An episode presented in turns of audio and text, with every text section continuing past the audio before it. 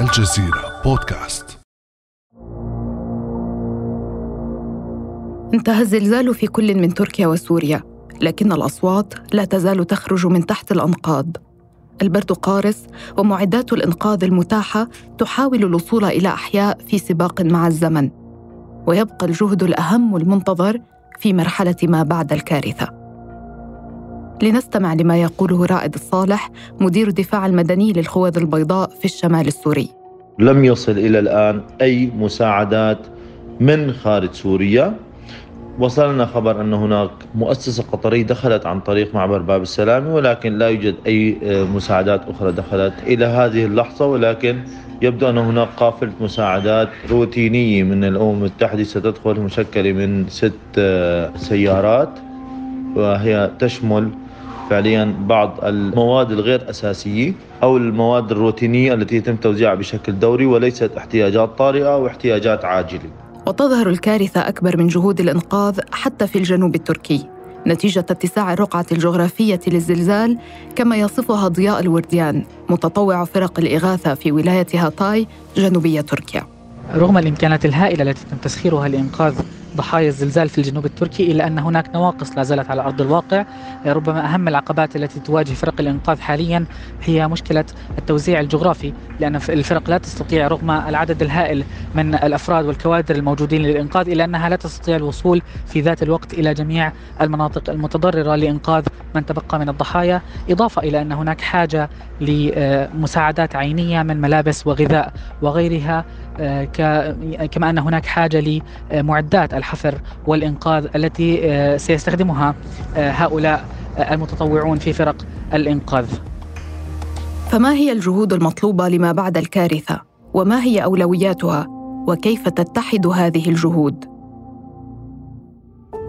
أنا روعة أوجي ونأخذكم هذه المرة في بعد أمس إلى الشمال السوري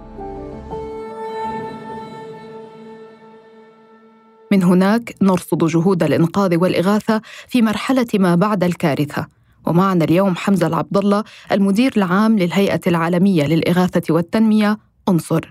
بداية حمزة من الميدان صف لنا المشهد في الشمال السوري. المشهد في الشمال السوري هو مشهد قاتل مع كل أسف مليء بالدمار مليء بالموت مليء كذلك بالشعور بالخذلان. من آه، أطراف عديدة من المجتمع الدولي. آه، اليوم يواجه آه، السوريون وحدهم هذا الزلزال المدمر. ينتزعون الركام من على أجساد العالقين تحته بمعدات بسيطة بأيديهم بمعاول يدوية بدون تقنيات بدون أدوات متقدمة. وهم في سباق مع الزمن آه، حقيقة. فرق الإنقاذ في سباق مع الزمن لتصل إلى ناجين. آه، اليوم الكل آه، خائف حقيقة. العائلات منتشرة في الشوارع. البيوت شبه خاوية. الكل يترقب والكل ينتظر. الكل ينتظر ماذا سيحل به بعد هذه الكارثة المدمرة والكل ينتظر أن يسمع خبرا عن آه، ذويه وأقاربه. آه، عائلات بأكملها تقف على أعتاب وركام. آه، بيوتها تحاول أن تستمع صوت أنين يأتي وصوت مناشدة، صوت بكاء، صوت نداء. ولكن طول الفترة هذه الكل يشعر كذلك بالخذلان وبفقدان الأمل. بفقدان آه، آه، كثير من ما كان معولا على أن يكون آه، ليساند الشعب السوري في الداخل. اليوم هذه التفاصيل حقيقه يعيشها جل من هم في الشمال السوري. اليوم الناس هائمين لا يعرفون ما هو القادم. إلى الآن إلى أين يتم إجلاء المصابين ومن فقدوا بيوتهم في هذا البرد القارس؟ يعني تتحدث عن ناس ما زالت في الشارع في البرد القارس. من يقدم المساعدة؟ إلى أين يمكن أن يذهبوا إلى أين يمكن أن يلجأوا خيارات المأوى حقيقة جدا محدودة. بالأصل هناك يعني معاناة وهناك فجوة كبيرة في جزئية المأوى في الشمال السوري. العائلات أوت إلى المساجد أوت إلى المدارس أوت إلى الشوارع. هناك جهود تقدم ولكن الإمكانيات كما ذكرت محدودة خصوصا في ظل إغلاق المعابر وفي ظل محدودية المواد الإغاثية ومواد الإيواء في السوق المحلي، هناك شح كبير بمواد الإغاثة، الكثير من المؤسسات تعمل المؤسسات المحلية ولكن بإمكانيات جدا محدودة لا تكاد تكفي لجزء بسيط من من يعانون ومن هم فقدوا بيوتهم وباتوا بدون مأوى. وطبعا هناك من لا يريد أن يبتعد عن مكان مبناه المنهار خصوصا إذا كان هناك بعض الأقارب الذين لم يعثروا عليهم بعد. إلى أين وصلت الجهود الإغاثية في الشمال السوري؟ نعرف أن الناس تحاول بمعداتها البسيطة الدفاع المدني بمعداته الموجودة. كم هناك تقديرات لمن ما زالوا تحت الأنقاض؟ التقديرات لا تزال غير واضحة. المأساة كبيرة أكبر من استيعاب المؤسسات وأكبر من استيعاب المدنيين والسكان في شمال سوريا. كل ساعة تمر هي تقلل من فرص نجاة من هم تحت الانقاض وتزيد من عدد الضحايا وتزيد من تكشف الآثار العميقة لهذه الكارثة.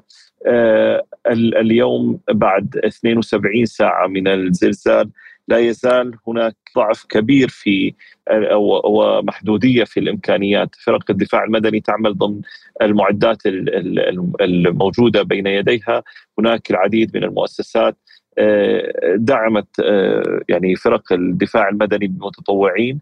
ولكن هذه الإمكانيات كلها تبقى محدودة أمام حجم الكارثة وأمام عدد العالقين وأمام الأبنية المنهارة. تحدثت عن عدم فتح المعابر وعن عدم قدرة وصول المساعدات، ما مستويات التنسيق بين المؤسسات الإغاثية الدولية والمحلية في الشمال السوري في الوقت الحالي الآن؟ من يعمل في الميدان هناك الآن؟ حقيقة من يعمل هو المؤسسات المحلية والمؤسسات السورية. هناك غياب شبه كامل لدور المؤسسات الدولية. بالرغم من أن الأمم المتحدة صرحت أنها ستعمل على إرسال قوافل إنسانية وأن هناك قوافل إنسانية ستدخل إلا أن برنامج الأغذية العالمي يعني صرح عن قافلة دخلت اليوم وهي قافلة بالأصل هي مجدولة هي ليست قافلة إغاثة عاجلة لما يخص ضحايا الزلزال والمتضررين فيه. هي قافلة ضمن البرنامج المجدول للسلات الغذائية التي تقدم في الشمال السوري. لذلك هناك خذلان كبير هناك فجوة بالرغم من كل المناشدات التي صدرت عن المؤسسات وعن الروابط وعن كذلك التحالفات الموجودة للمؤسسات العاملة في سوريا إلا أن الجهود الدولية لا تزال جدا متأخرة. تتفاقم الصورة كذلك بعد مضي أكثر من 72 ساعة ببدء نفاذ مواد الإيواء ونفاذ مواد الإغاثة وهذا ينذر بكارثة كبيرة خصوصا في ظل درجات الحرارة المتدنية التي غالبا تكون تحت الصفر في ظل موجه الثلوج التي تعصف بالمنطقة. منذ أيام. قبل أن نتحدث عن أسباب ذلك فلنركز بالأولويات الآن. من وجهة نظرك وأنت في ميدان الحدث ما هي الأولويات في جهود الإنقاذ والإغاثة في الشمال السوري تحديدا الغير الخاضع للنظام السوري؟ بطبيعة الحال وبخصوصيه هذه الكارثة التي هي الزلزال فإن الجهود المركزة باتجاه إنقاذ العالقين وإخراج المصابين من تحت الأنقاض هي الأولوية الأولى. ولكن هذه الجهود تبدأ تتلاشى أهميتها مع مرور الزمن لأن الساعات الأولى هي الساعات الحاسمة. نتكلم عن الآن مرور أكثر من 72 ساعة ففرص إيجاد ناجين تبدأ بالتلاشي ونسب إمكانية إيجاد أحياء تحت الركام تكاد تكون شبه قليلة أو معدومة. يلي ذلك وبالتوازي معه موضوع إيجاد حلول للإيواء لأن كثير من العائلات التي لم تهدم منازلها تعرضت لتصدعات والمنازل باتت غير قابلة للسكن فلا بد من إيجاد حلول بديلة للإيواء من خلال مراكز إيواء مؤقت من خلال تأهيل المرافق العامة أو المباني الحكومية أو المباني العامة وتجهيزها كمراكز إيواء بضمن شروط السلامه يعني أن تكون هذه الأبنية قابلة لغير غير مهددة في حال حدوث هزات ارتدادية بالسقوط كذلك يعني الجهود التي توفر الاحتياجات الأساسية الإنسانية الأساسية للمتضررين من الكارثة مثل الغذاء ومواد التدفئة ومواد الشتوية كالملابس كغيرها. وكذلك بذات الأهمية توفير العناية الطبية للمصابين وهذا حقيقة من الأمور التي تصنع فارق في الحفاظ على حياة المصابين خصوصا. المستشفيات اليوم في شمال سوريا تعاني من شبه انهيار. المنظومة الصحية لم تعد قادرة على استقبال عدد الضحايا الكبير. الأسرة خصصت لمريضين أو ثلاثة.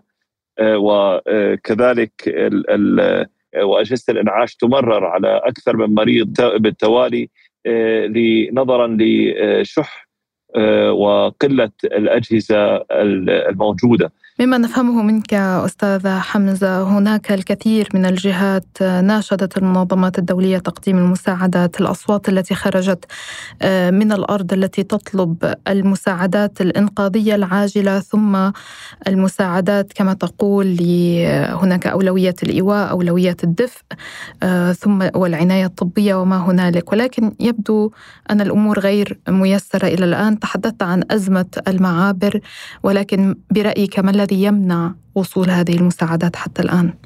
تأخر آه، وصول المساعدات في آه، هذه الكارثة برأيي هو امتداد لما آه، حدث وما يحدث من ربط للاحتياجات الإنسانية الأساسية في للمحتاجين في في شمال سوريا بمكاسب سياسية ومكاسب لدول إقليمية ودول آه، آه، كبرى آه، هذا الربط هو الذي يؤخر وأخر كثيرا من الحلول التي يمكن أن تخفف من معاناة النازحين والمتضررين في الشمال السوري. طب منذ سنوات ومشاريع إعادة الإعمار عالقة أساسا لأسباب سياسية جميعنا يعلمها ولكن الآن بالنظر لحجم الكارثة التي تتخطى يفترض أن تتخطى السياسة ألا يوجد آليات يمكنها أن تخفف من معاناة الناس في الشمال السوري؟ بطبيعة الحال كان هناك خلال سنوات كثير من العوائق والذرائع التي تزيد من معاناة الإنسان في داخل سوريا بذرائع التوطين والتغيير الديمغرافي وغيرها ولكن برغم ذلك كان هناك جهود آه، من المؤسسات المحلية والمؤسسات السورية بإيجاد آه، حلول آه، تناسب وتخفف من معاناة النازحين والمتضررين داخل سوريا. ومن ذلك ومثال على ذلك البيوت الطارئة البديلة للخيام التي تم إنشائها والتي تم معارضتها بشكل كبير من قبل المجتمع الدولي ومن قبل آه، الداعمين التقليديين. آه، هذه آه، الأبنية التي ساهمت بإيجاد حلول بديلة للخيام التي طال استخدامها كثير من العوائل التي النازحه اليوم في الخيام هي نازحة منذ قرابة عشر سنوات أو يزيد. فقامت مبادرات من مؤسسات محلية ومؤسسات سورية بعمل آه، وإنتاج نماذج من البيوت تعطي كرامة وخصوصية للمستفيد هذه المبادرات أكيد أنها ستستمر وستوجد حلول مناسبة للمعاناه الموجودة برغم آه، القيود التي آه، يضعها المجتمع الدولي على آه، هذا النوع من الحلول. ختاما كم تحتاج هذه الكارثة للسيطرة على تبعاتها والانتهاء على الأقل من عمليات الإجلاء؟ أثار هذه الكارثة بتقديري ستستمر لمدة طويلة ستستمر ل إذا لم نكن نبالغ أكثر شهور أو سنوات لتجاوز آه، أثار هذه الكارثة الدمار الذي حصل وغياب آه، آه، أصلا الجهود التي يمكن أن تساهم بتجاوز هذه الكارثة في وقت مبكر. لذلك يعني من المتوقع أن تكون آثارها آثار عميقة وتجاوزها يحتاج إلى تضامن كبير ويحتاج إلى جهود متضافرة لنتجاوز ما نستطيع من من من آثارها الكبيرة. شكرا لك حمزة العبد الله المدير العام للهيئة العالمية للإغاثة والتنمية انصر. شكرا جزيلا. كان هذا بعد أمس.